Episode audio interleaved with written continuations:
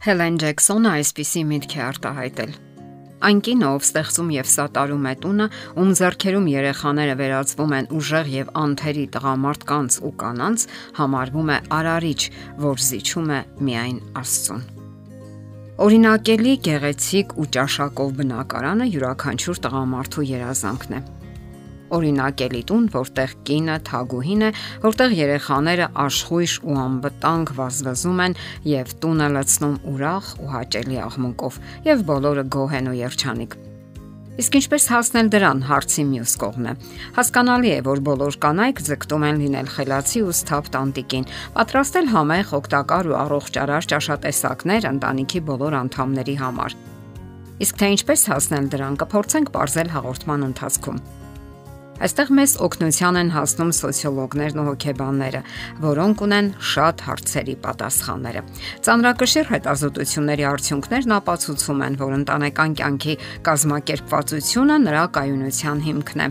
Ավելի կայուն են այն ընտանիքները, որոնք ծրագրավորում են եւ կազմակերպում իրենց կյանքը։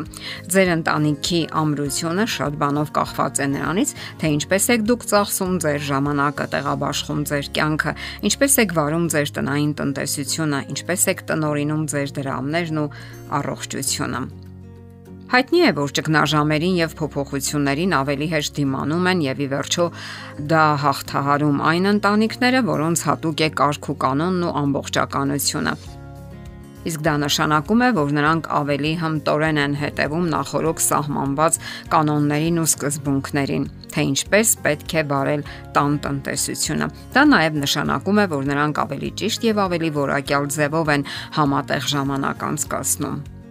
Ասենք որ շատ ընտանիքների համար այսօրինակ հասկացողությունները չինական այբուբեն են հիշեցնում եւ ցավոք նրանք թեթևորեն փլուզվում են կյանքի առաջին իսկ հարվածներից։ Դիտարկումները ցույց են տալիս, որ մեր օրերի երիտասարդները ավելի քիչ ժամանակ են անցկացնում տնային միջավայրում։ Սոցիալական աննախադեպ բարդությունը եւ նյութական հնարավորությունների կրճատումը մեծապես ազդել է ժամանակակից երիտասարդության կենսակերպի վրա։ Նրանք հարկադրված են ավելի ու ավելի շատ աշխատել ուշ վերադառնալ տուն, սնվել ոտքի վրա եւ ոչ տնային ճաշատեսակներով։ Չէ որ հարկավոր է վճարել բնակվարձը կամ ապառիկով վերցրած բնակարանի բանկային վարկային պարտավորությունները։ Այս ամենը բնականաբար ազդում է նրանց ընտանեկան ինստիտուտի կառուցվածքի ու գործունեության վրա։ Գոյություն ունի 4 տիպի ընտանիք։ Փորձենք ներկայացնել դրանք։ Անկազմակերպ ընտանիք Նման ընտանիքում ոչ մեկը չի գնահատում եւ չի գիտակցում կազմակերպվածության կարեւորությունը եւ ջանք չի թափում ստեղծելու կարգ ու կանոն եւ մշակելու որոշակի սկզբունքներ։ Դրանք դառնում են երկրորդական արժեքներ։ Ահա թե ինչու նման ընտանիքները կարելի անվանել քաոսային ընտանիքներ։ Երբ հարցը վերաբերում է սովորական բաներին, սնունդ պատրաստելուն, սպիտակեղենը լվանալուն, տան մաքրությանը, նման տներում իսկապես քաոս է տիրում։ Հասկանալի է, որ պատճառներից մեկն էլ ծնողական անհրաժեշտ դասերակցության պակասն է, անznական անկազմակերպվածության պակասը։ Իսկ երբ հանդիպում են երկու նման անznավորություններ եւ ընտանիք են կազմում, ապա ինչպես ասում են, թող ու փախիր։ Հաջորդ տեսակը ընտանիքի բարի դիտավորություններով ընտանիքն է։ Այսպիսի ընտանիքը տեսնում ու հասկանում է կազմակերպվածության արժեքը, ինչպես նաև ընտանեկան կյանքը վարելու սկզբունքները, սակայն ի վիճակի չէ որևէ բան անելու եւ նախաձեռնելու։ Հնարավոր է պատճառը տան կնոջ զբաղվածությունն է, որ չի կարողանում կարգու կանոն հաստատել ընտանիքում, կամ էլ կինը իր անձնական կյանքում չի կարողանում կարգու կանոն հաստատել։ Հիմնախնդիրը հնարավոր է ոչ այնքան գիտելիքներն են, որքան կազմակերպվածության պակասը Այսպիսի ընտանիքի համար բնորոշ եւ տիպական են մոտավորապես նման արտահայտությունները։ Հրաշալի կլիներ, եթե գոնե երբեմն միասին ընտրեինք, բայց մենք պետք է ամեն առավոտ միասին աղոթենք, սակայն այդպես էլ ժամանակ չի լինում։ Ես պետք է ժամանակին քնեցնեմ երեխաներին, սակայն Նման ընտանիքը միշտ խոսում է փոփոխությունների մասին, բայց երբեք չի կարողանում դա անել։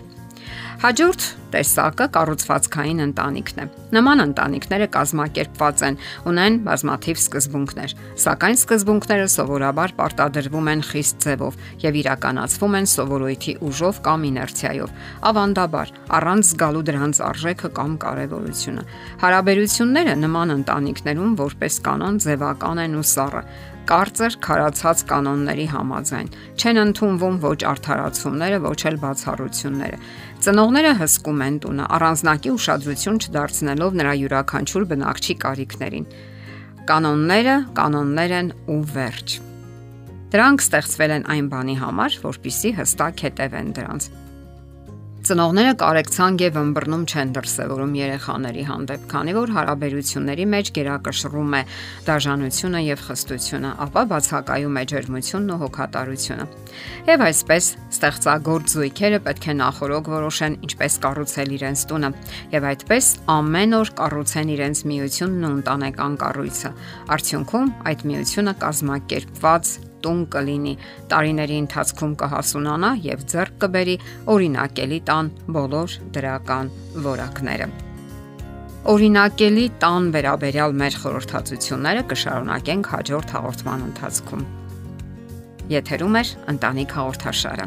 Հարցերի եւ առաջարկությունների համար զանգահարել 033 87 87 87 հեռախոսահամարով։